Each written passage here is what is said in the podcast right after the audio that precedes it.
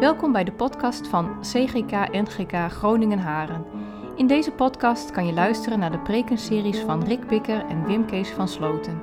Je luistert nu naar de serie preken over openbaringen.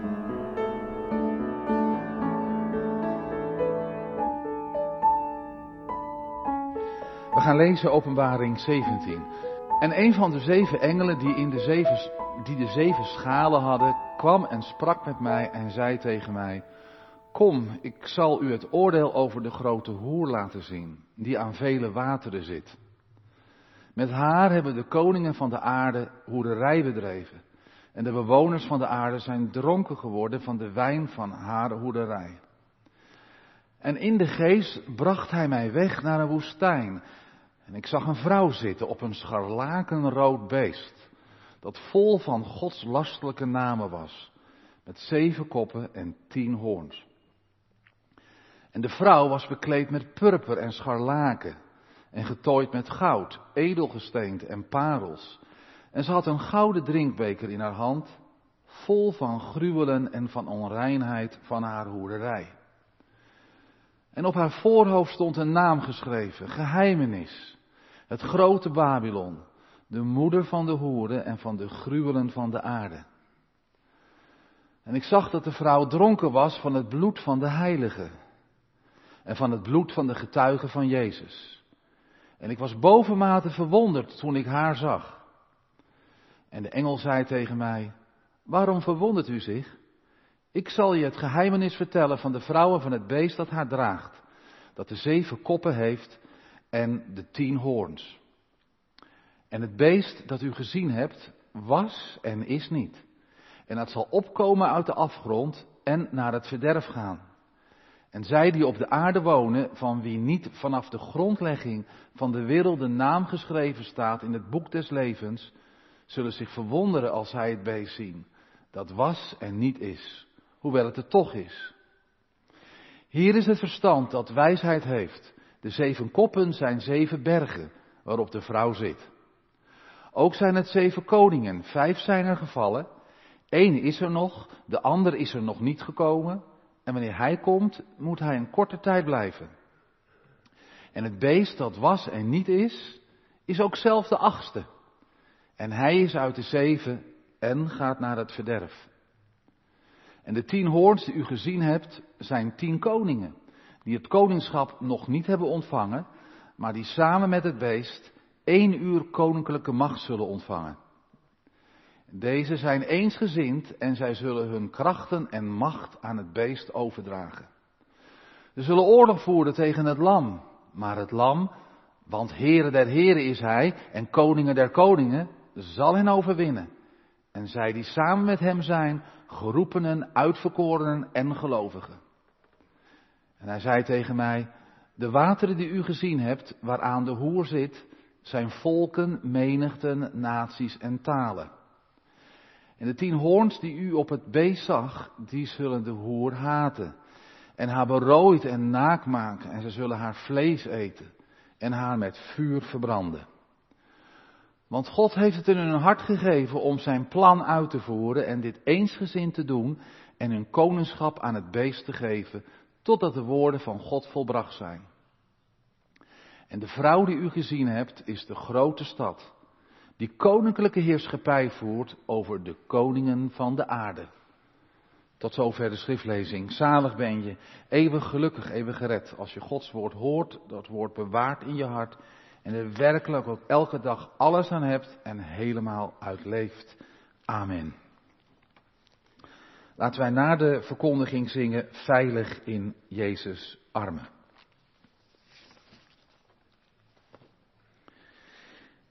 Ja, geliefde gemeente, ook uh, de mensen uh, thuis die online nu of later meekijken. We gaan verder met de preekserie over uh, de openbaring van Jezus overwinnaar. Ze hebben hem genoemd. Alweer aflevering 18. En wat hebben we eigenlijk al veel ontdekt in, in die 17 afleveringen uit dat laatste Bijbelboek. Zeker ook, wat even aan te stippen, dat de openbaring niet een chronologisch verhaal is over de eindtijd. De eindtijd, dat is de tijd van af Jezus hemelvaart totdat de Heer Jezus weer terugkomt. Openbaring is dus echt niet een soort kalender die je afloopt, die we aan het aflopen zijn. Iets chronologisch, zeker niet. Nee, dat is wel mooi om dat te vertellen ook. Ehm, we hebben het gehad over uh, bazuinen en schalen en noem maar op. Johannes heeft, krijgt door dat hele openbaringboek heen zeven series van zeven. Zeven series van woorden, beelden en visioenen. Met in elke serie een facet van de eindtijd. En, en dan in die zeven serie van zeven weer een, chronologie, een kalender. Dan weer wel, dat wel chronologisch gebracht. En tussen die series zit ook elke keer en vaak een soort ja, van ja, dan denk je, wat is dit? Ja, een soort intermezzo, zomaar ertussendoor. Een soort extra uitweiding over belangrijke zaken die hij gezien had.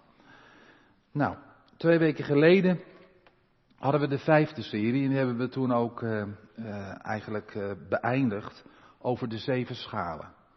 En Johannes kreeg met die zeven schalen echt de laatste finale eindoordelen over de wereld te zien. Verschrikkelijk waren ze. Echt de allerlaatste. En de allerlaatste die lees je in openbaring 16, de versen 18 en 19. Er kwamen stemmen, er kwamen donderslagen, bliksemstralen. Er was een aardbeving als er nog nooit geweest was op aarde. En dan plotseling, de grote stad viel in drie stukken uiteen. In drie stukken. En de steden van de heidevolken stortten ook in. En wat was dat? Dat was nou het grote Babylon. Met al haar, hoe noem ik het, periferie aan voorsteden. En nu in ons hoofdstuk, wat we net gelezen hebben, komt een van die zeven engelen, eh, van die zeven schalen ook, vol van die eindoordelen, naar voren. Je zou verwachten inderdaad van, nu is het helemaal klaar, maar Babel is nog niet gevallen, dat Babylon. Want die engel die komt nog even naar voren, die houdt het nog even op. Ja, natuurlijk zijn opdrachtgever. En hij komt naar voren, wat bedoel ik? In, in, in dat grote visioen beamerscherm, zo stel ik het maar voor, aan de hemel. Hij gaat in een hoekje staan en hij richt zich op Johannes. En Johannes die komt ook en dan zegt de engel tegen Johannes, ja kom, kom, kom. En Johannes komt een beetje naar hem toe en dan zegt hij, ik zal je het oordeel over de grote hoer laten zien die aan vele wateren zit. Ons eerste vers. Vers 1 van hoofdstuk 17. En deze grote hoer, wat een woord allemaal, is Babylon, de grote stad. Waarom weet ik dat? Nou, dat hebben we gelezen in vers 18. Ze zit volgens de engel aan vele wateren. Dat hebben we net gelezen in vers 1. En Johannes moet het ook wel gelijk herkend hebben. Vele wateren, vele wateren, een grote stad. Nou, dat was er wel één in die tijd. Dat was het grote Babel en dan vooral ook het grote Babel van lang geleden. De stad aan de Tigris en de Eufraat en, en, en de vele kanalen die aan die rivieren weer ja, verbonden waren. Vertakkingen eigenlijk eruit. En dan ook weer vanuit die kanalen de vele uitgestrekte irrigatiewerken. Een enorm eilandenrijk eigenlijk daar wel. Waterrijk. Nee, het gaat hier over die stad. Dat is duidelijk. Babylon. En, en, en, en de engel gaat uitweiden over die stad. En dat doet hij uitgebreid heel hoofdstuk 17 lang. Pas in hoofdstuk 18 mag Johannes zien waar het op uitloopt. De werkelijke val van dit Babylon. En dan, om even, even verder te gaan, krijg je de laatste hoofdstukken. Dan, dan zijn we er eigenlijk ergens doorheen. Ja, degene die over mogen blijven. In geloof. Enkel in geloof. Dan krijg je het prachtige mooie wat in het verschiet ligt als u avondmaal gevierd heeft met een oprecht hart. Helemaal geen verdiensten, maar Heere wilt u het doen in mij. Dan mag je gaan zien van het loopt uit op Jezus wederkomst. Op, op, op de bruiloft dan met het lam. En ook gelijk erbij, hoe belangrijk dat te zeggen, het werpen van Satan in zijn final destination. Kent u dat wel? Final destination op een luchthaven? Nou, dan ben je er. Nou, Satan is er ook. In de eeuwige vuurpoel. Zo staat het er. En, en dan ook, dan is alles klaar, het neerdalen van het nieuwe Jeruzalem. De komst van de nieuwe hemel en aarde. En wat wil ik graag daar eigenlijk over horen? Ook toen ik die preek twee weken geleden aan het voorbereiden was, dacht ik, ah, daar wil ik graag heen. En ik had weer net in neiging met dat vorige hoofdstuk, uh, wat ik mocht bepreken met jullie, om dat hoofdstuk maar over te slaan. Dit hoofdstuk 17. Want, want ik denk dat Johannes het ook wel gehad heeft, toch? Na al die eindoordelen nog een keertje erover doorgaan. Het is me wat. Of je moet er een beetje droogjes onder zitten. Ja, je kan het ook niet echt helemaal op je af laten komen, want het is altijd nog erger. Het is verschrikkelijk wat we gelezen hebben ook weer. Waar het heen mag gaan. Maar Jezus stuurt dus nog een engel. Hij stuurt dus nog een engel. Na die aardbeving is het nog niet gelijk over. Die verschrikkelijke aardbeving zoals er een nood geweest is. Stuurt hij nog een engel en dan is het inderdaad.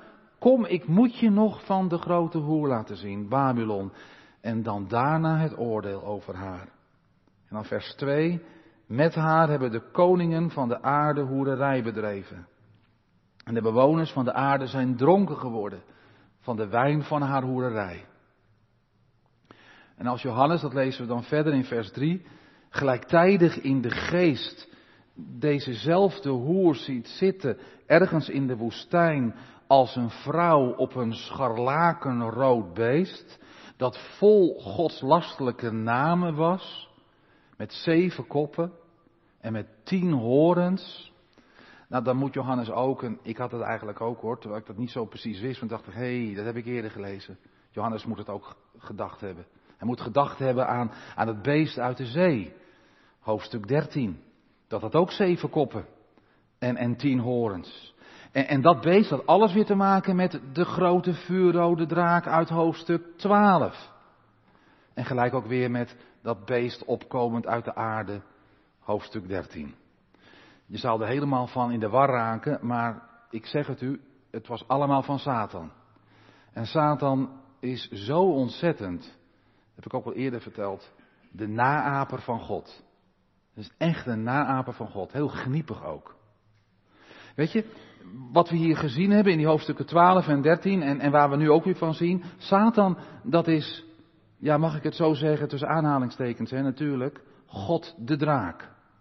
Het beest uit de zee, dat is een zoon. De zoon van Satan, de leidsman. Ja, het is allemaal heel religieus, hè? de redder van Satans kinderen. En het beest uit de aarde, dat is de wereldgeest.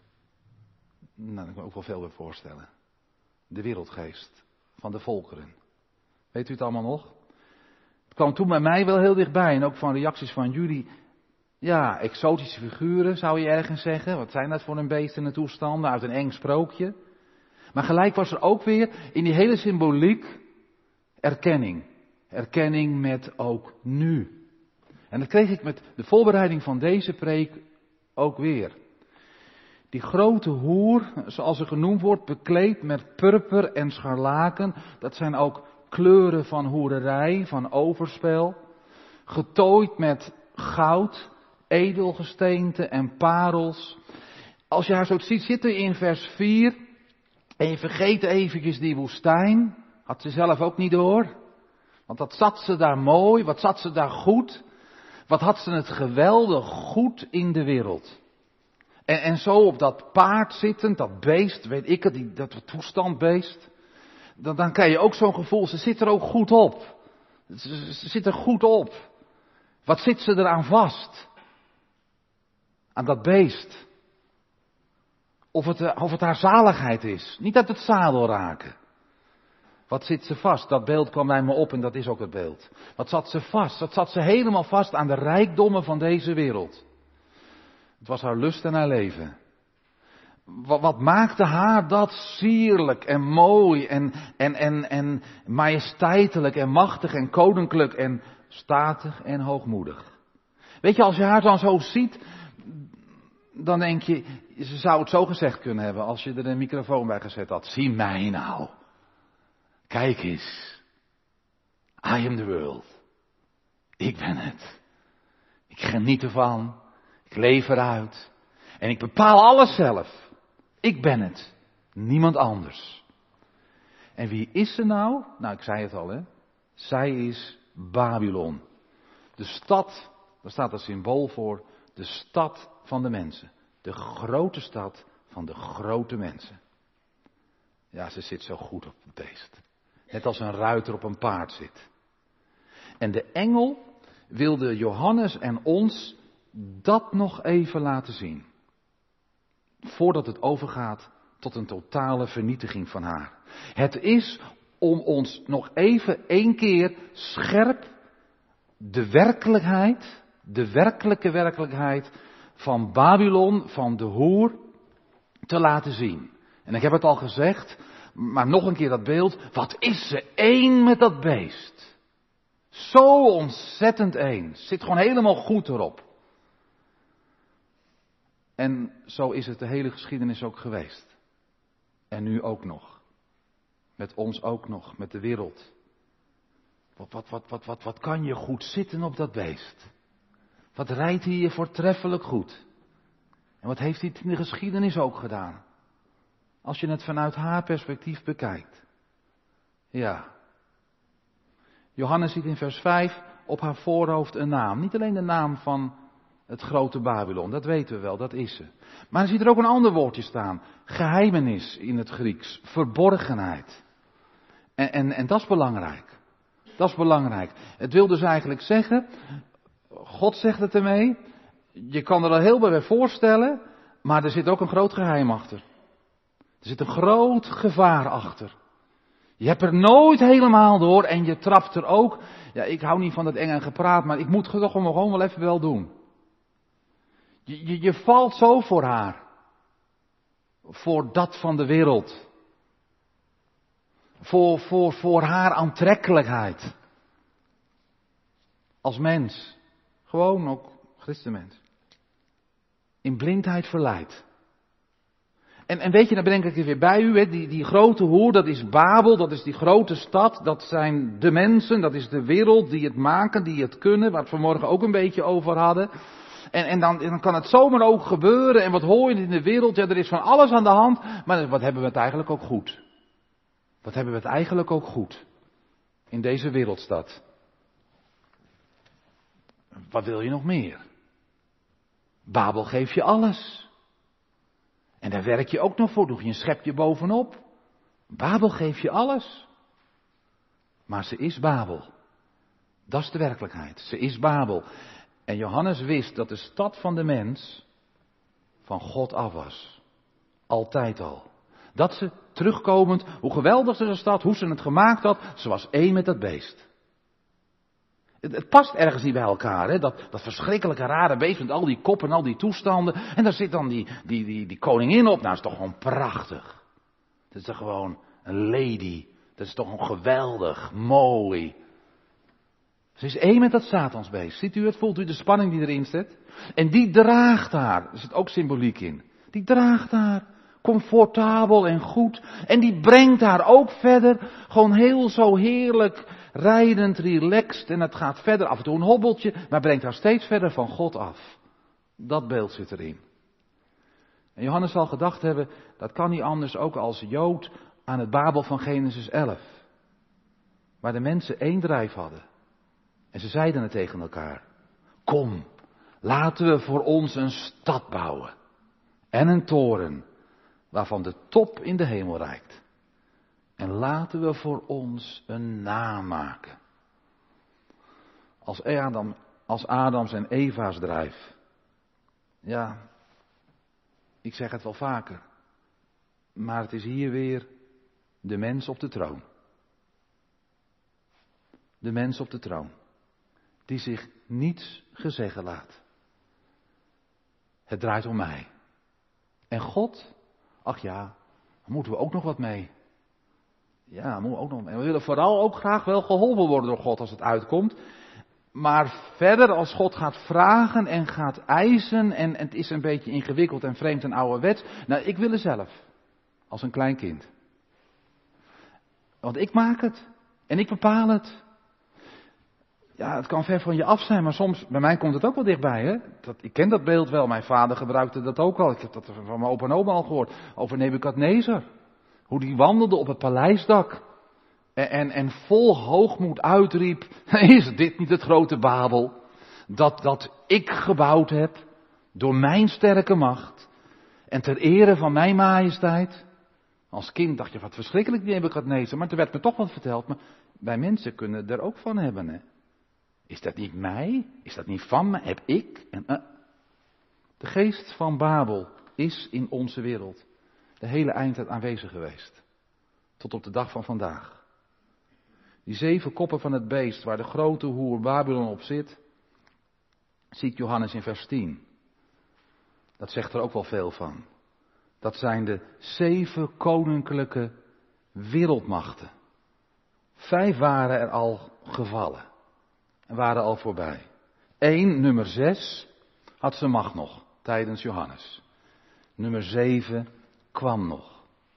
En daarna zou het beest zelf aan de macht komen. We hebben het gelezen, de antichrist. Ingewikkeld allemaal. Ingewikkeld allemaal. Maar wijst dat hele getal zeven eigenlijk toch ook niet naar dat er ontzettend veel grote ik-wereldmachten zijn in de eindtijd. Dat je gewoon niet weet van de ene ik-wereldmacht is opgestaan of je krijgt het volgende ik-wereldmachtpunt wel. Het draait allemaal om macht. Het draait allemaal om macht. En om geld en om die dingen. Denk ik, ja, ja, dat klopt. Veel meer dan wij misschien nog wel denken. Ook in ons vrije Westen. Zit tegelijk natuurlijk weer aan Poetin te denken en zo. Maar machten, ik-machten, het zit overal. Misschien weet u het wel heel erg van uw werk. Hoe daar draait om. Van allerlei ik-machten. Misschien weet u het wel van andere plekken. Misschien weet u het wel van uw eigen. Machten, ik wereldmachten, inderdaad. Nou, dat hebben we de hele geschiedenis door gehad. We kunnen al wel bijvoorbeeld noemen het grote Egyptische Rijk. Met die farao. Met die farao. Wat haalde die alles uit de kast richting Mozes? Elke keer weer. Ik ben groter. Ik ben groter. Ik ben groter. En zoveel meer mensenmachten. Babylonische, Persische, het rijk van Alexander de Grote, de Macedoniër. Ze gingen allemaal voorbij en dan kan ik nog wel doorgaan en elke keer kwamen er weer nieuwe. Ze gingen allemaal voorbij en elke keer kwamen er weer nieuwe. En dan die zeven koppen van het beest, die ziet Johannes ook nog als ik verder ga als zeven bergen waarop de vrouw zit. Nou, dat hele boek Openbaring staat vol met symboliek en weer Johannes moet hij achtergedacht hebben. Hij zal gedacht hebben aan de wereldstad Rome. Waarom, weet u dat? Rome werd ook wel genoemd de stad en nog steeds van de zeven bergen. Gebouwd op zeven bergen. Moet gelijk aan Rome gedacht hebben. Het Rome van die tijd, het New York. Wat zal ik zeggen? Welke grote steden hebben we nog meer in Zuidoost-Azië? U weet het allemaal wel. Een beetje hier ook Groningen natuurlijk ook wel, ja. In Rome, daar draaide het om de mensenmacht. Daar draaide het om de keizerlijke macht. Daar draaide het om de curios. Hij en zijn macht verdiende alles. Altijd. Alle aanbidding. Alle aandacht. Christenen met hun curios brandden de fakkels. Werden ze in Nero's paleistuinen. En mensen, het is al eeuwenlang hetzelfde. In alle wereldsystemen past de God van Israël, de enige eeuwige, niet. En ook zijn kinderen, ook zijn volgelingen van zijn zoon Jezus niet. Ja, die beleiden en leven, één is God, Hij is de Heer, ze passen er niet. Die zingen, u alleen, u loven wij, en ze menen het, die passen er niet. Niemand is als u. Ze horen er niet. Niet ik, maar u voor mij, zoals vanmorgen in mij en door mij. Open Doors. Dat is een verschrikkelijk blad wat ze uitgeven, wat je op het internet leest. Maar ontzettend realistisch. Weet u, daar dacht ik over na, met alle respect hoor. Ik zeg er echt niks negatief over, maar ik weet wel, het hield mij ook bezig en terecht. Elke dode is er één vanwege ziekte. Hoe erg. We telden onze coronadoden. En dat was ook ernst. Dat was ook ernst. Maar toen dacht ik zomaar anderhalve week geleden dus met die preek. Tellen we de overlijdens vanwege geloof in Jezus? Hebben we het überhaupt in beeld? Van wiens bloed, hè? De hoer op het beest dronken was ik, ik laat dat liggen, maar wat daarin zit, dat is zo verschrikkelijk. Weet u dat wereldwijd van het jaar 33, het jaar dat de Heer Jezus gekruisigd is, tot 2000 er 70 miljoen christenen gedood zijn. Vanwege hun geloof. En dan denk je, oh, dat is een hele tijd. Maar de helft van die 70, 35 miljoen in de laatste eeuw. En als u de laatste cijfers ook neemt, het neemt, dat weten we niet zo erg, weet u dat? Het neemt schrikbarend toe. Hoeveel mensen om hun geloof in de Heer Jezus gedood worden, elk jaar meer. Het is omdat ik machten, mooier bekleed, minder mooi bekleed, God niet als God velen. En hoe massief zijn de krachten. Ik heb het vaker verkondigd en ik voel me een tijdprediker, maar ik doe het wel, want de Heer zendt me. En niemand houdt me ervan af. En het is ook, nou dat wilde die engel ook, ik sta hier gewoon namens die engel, namens God. Om nog niet gelijk door te gaan naar die val, klaar en dan, natuurlijk dat komt. Hoe massief zijn de krachten, dat wil ik zeggen. Hoe massief zijn de krachten die nu rondroepen, God als Heer kan wel minder. Zijn Bijbel om aan te gehoorzamen kan wel minder. Zijn kerk kan echt wel minder. Het geloof kan ook wel minder. Zeker als de ikke. Wat een genade, nog een keer. Zo kwam hij bij mij binnen. Wat een genade van de Heer Jezus. Dat hij nog zo'n intermezzo inbouwde. Zo'n momentje. Die engel naar voren zette om, om, om Johannes erbij te halen. Om te laten zien, even de ogen open. Even goed kijken. Herken je het in je eigen tijd voordat alles van Babel valt? Ja, nog een keer, het zit wel goed op dat beest. Wat zijn er al een zielen, mag ik het zo zeggen, meegesleept door zijn macht. Weg van onze trouwe, liefdevolle schepper God en vader van de Heer Jezus Christus. In een wegzuigende beweging, zo sterk, alleen maar ik zonde. Ik deed al af en toe een uitstapje, maar het kan zomaar overkomen van dat het een beetje weggebleven is van u en van mij. Had ik in die voorbereiding spreek ook. Heb u er last van? Dat wil ik u eigenlijk vragen. Wat ik nou net allemaal gezegd heb, heb je daar last van? Want ik zat het ook op te pennen. Goed weten wat er staat. Goed pennen, goed overbrengen. Goed de gemeente waarschuwen. Toen dacht ik, in Kees, heb je er zelf wel last van? Ik kan wel een mooie preek schrijven. Dan vraag ik het ook aan u. Heb u er last van? Ik heb het uiteindelijk niet alleen maar over heel lang geleden aan wat voor machten er geweest zijn. En ook niet over nu buiten de kerkzaal en waar we allerlei, naar wat we de wereld noemen en zo allemaal. Nu heb ik het over ons.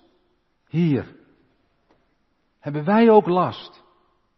Al last, dat is, dat is, dat is erg. Dat voelt als pijn. Van ikkerigheid. Van ikmachten. Soms denk ik wel, met alle respect voor de kerk en hoe fijn het is, we kunnen ons ook achter verschuilen. Kan je, ik zeg het maar gewoon, kunnen we heel christelijk gereformeerd zijn.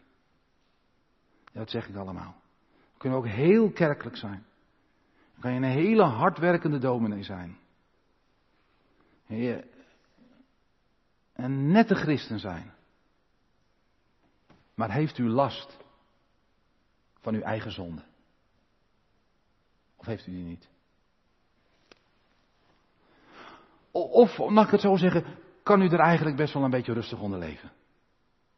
Als je gewoon heel eerlijk bent met jezelf. Om niet allemaal nu antwoord op die vragen te geven, maar. En is meer de zonde van een ander en van de theorie en van lang geleden een last? Nu ben ik klaar met mijn vragen.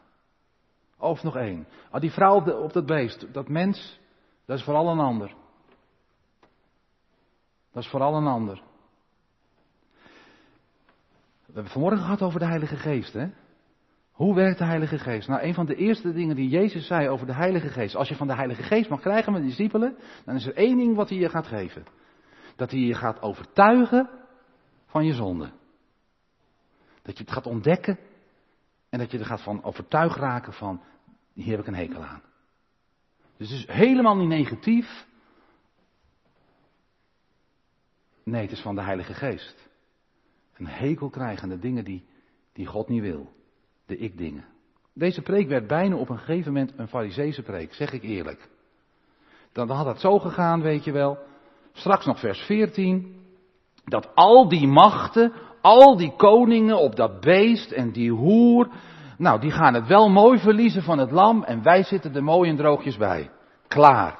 Gaan we kabbelen door naar hoofdstuk 18. De val van de stad Babylon. Zijn wij er lang vanaf? Nee. Gemeente. De Heere leert ons juist naar het beest in onszelf te kijken. Ja, ik ben heel radicaal hoor. Naar het beest in onszelf te kijken. En hoe we daar, en dat is elke voor ieder weer anders, hè? daar ga ik niks over zeggen, kan ik ook niet, dat weet u zelf wel, gedeeltelijk of helemaal toelaten en rustig erop doorrijden. Dan kom je daar in jezelf, ik kom het wel eens tegen, mag ik het gewoon zeggen, dan kom ik de hele wereld in mezelf tegen. Die hele hoer in mijzelf. Ik haal het bewust naar mezelf toe om niet boven u te staan. En hoe is het bij u? Toen de Heere door Nathan David naar zichzelf naar binnen liet kijken, dat kent u wel dat moment. Nou, toen David dat dus moest doen en ging doen, had hij weinig meer te vertellen. Bent u beter dan David? Ik niet. Ik liefdeloosheid, ik hardheid, ik leugen, ik gemenigheid. Als de geest ons ervan laat ontdekken, dan houden we weinig over. En het is maar goed ook. Dat is je oude ik. Zoals vanmorgen, even de koppeling maken. Ik ga nog één klein zijpaadje in. Gewoon omdat het actueel is. Het houdt mij bezig. Discussie over vrouw en ambt. U weet dat ik dat een spannende vind. En velen met me. Wat wil de Heere God? En gelijk kan er aardig wat ik mag zijn, ik mag zijn bij voorstanders en bij tegenstanders. Als het gaat over vrouw en het ambt. U hoeft het niet mee eens te zijn. De scheppingsorde. En mensen weten wel wat ik bedoel, jullie hier in de gemeente. Gods scheppingsorde.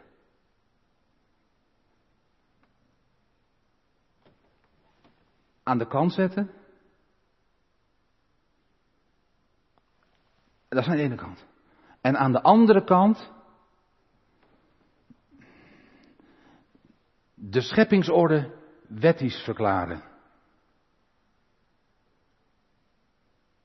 Ik heb van de week weer aardig wat mogen ontdekken hierin, op een studieweek.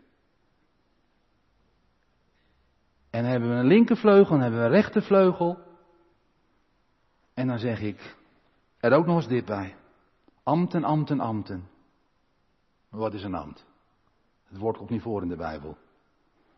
Er staat dienen, dienen, dienen. Leiding geven is dienen, dienen, dienen. En die dingen, dan weet je, dan, ik weet niet, je hebt nog gewoon wat neergelegd. En moet je gewoon eens bij jezelf doen in die discussie ook, dat is goed. Leg jezelf er eens ernaast. Onderzoek jezelf er eens op. Smeek om die Heilige Geest in je. Dat zal helpen in die hele discussie van links naar rechts. En hoe die ook loopt. Had ik moeten inslaan, deze zijstraat? Nou, de Babelmens zit ook in de kerk. In alles, ook op andere thema's. Weet je, ik vind in ieder geval dit. Het eerlijker dan het enkel maar over de seculiere wereldmachten te hebben. Die je misschien morgen op je werk weer tegenkomt en waar je dan zo een beetje omheen gaat. En dan klaar. We hebben allemaal, ook in de kerk, hoe serieus en hoe liefdevol we naar de Here zijn en hoe we willen dienen. Van links naar rechts en van voorstanders en tegenstanders en noem maar op. We hebben allemaal het lam nodig. En, en, en dan ben je weer samen bij elkaar, hè? Dan is de hele openbaring 17 niet ver weg. Dan gaat het erom, heb je het hier geproefd? Aan deze tafel. En dan ook één ding, en dat vind ik wel heel fijn. Het vooruitzicht. Dat dat beest, ja hij wordt ook nog de antichrist hebben we gelezen. Dat hij gelukkig nog maar voor een korte tijd actief is.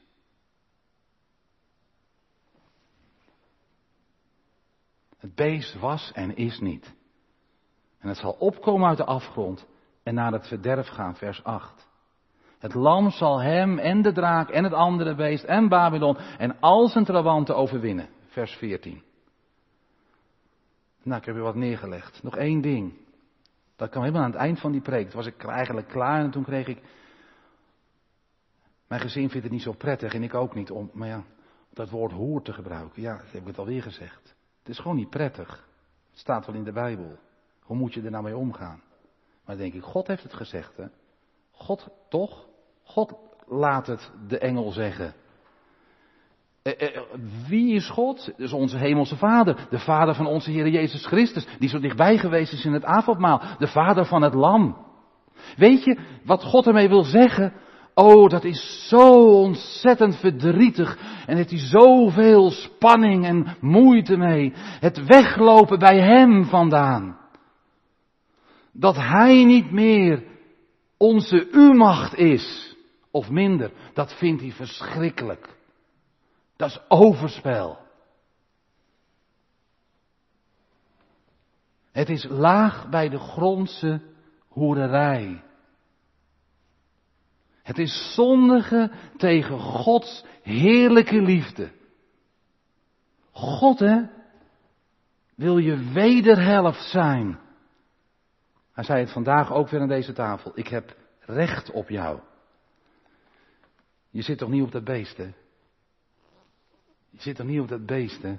Zeg het ook tegen mezelf. Nog, we gaan even door. Dat, die purper is allemaal nep en leeg. En al die andere diamanten toestanden ook. Dat beest, ik zei het al, trekt in de werkelijkheid door een woestijn heen. Met, met, met haar erop. En hen erop natuurlijk, allebei. En straks is het op. Naar diep vallen. Samen met Babylon. De Heere van die engel, ik sluit af, van Johannes, riep jou aan deze tafel. Hij wil je uitkiezen. Voor hem helemaal alleen. Niet ik, maar u.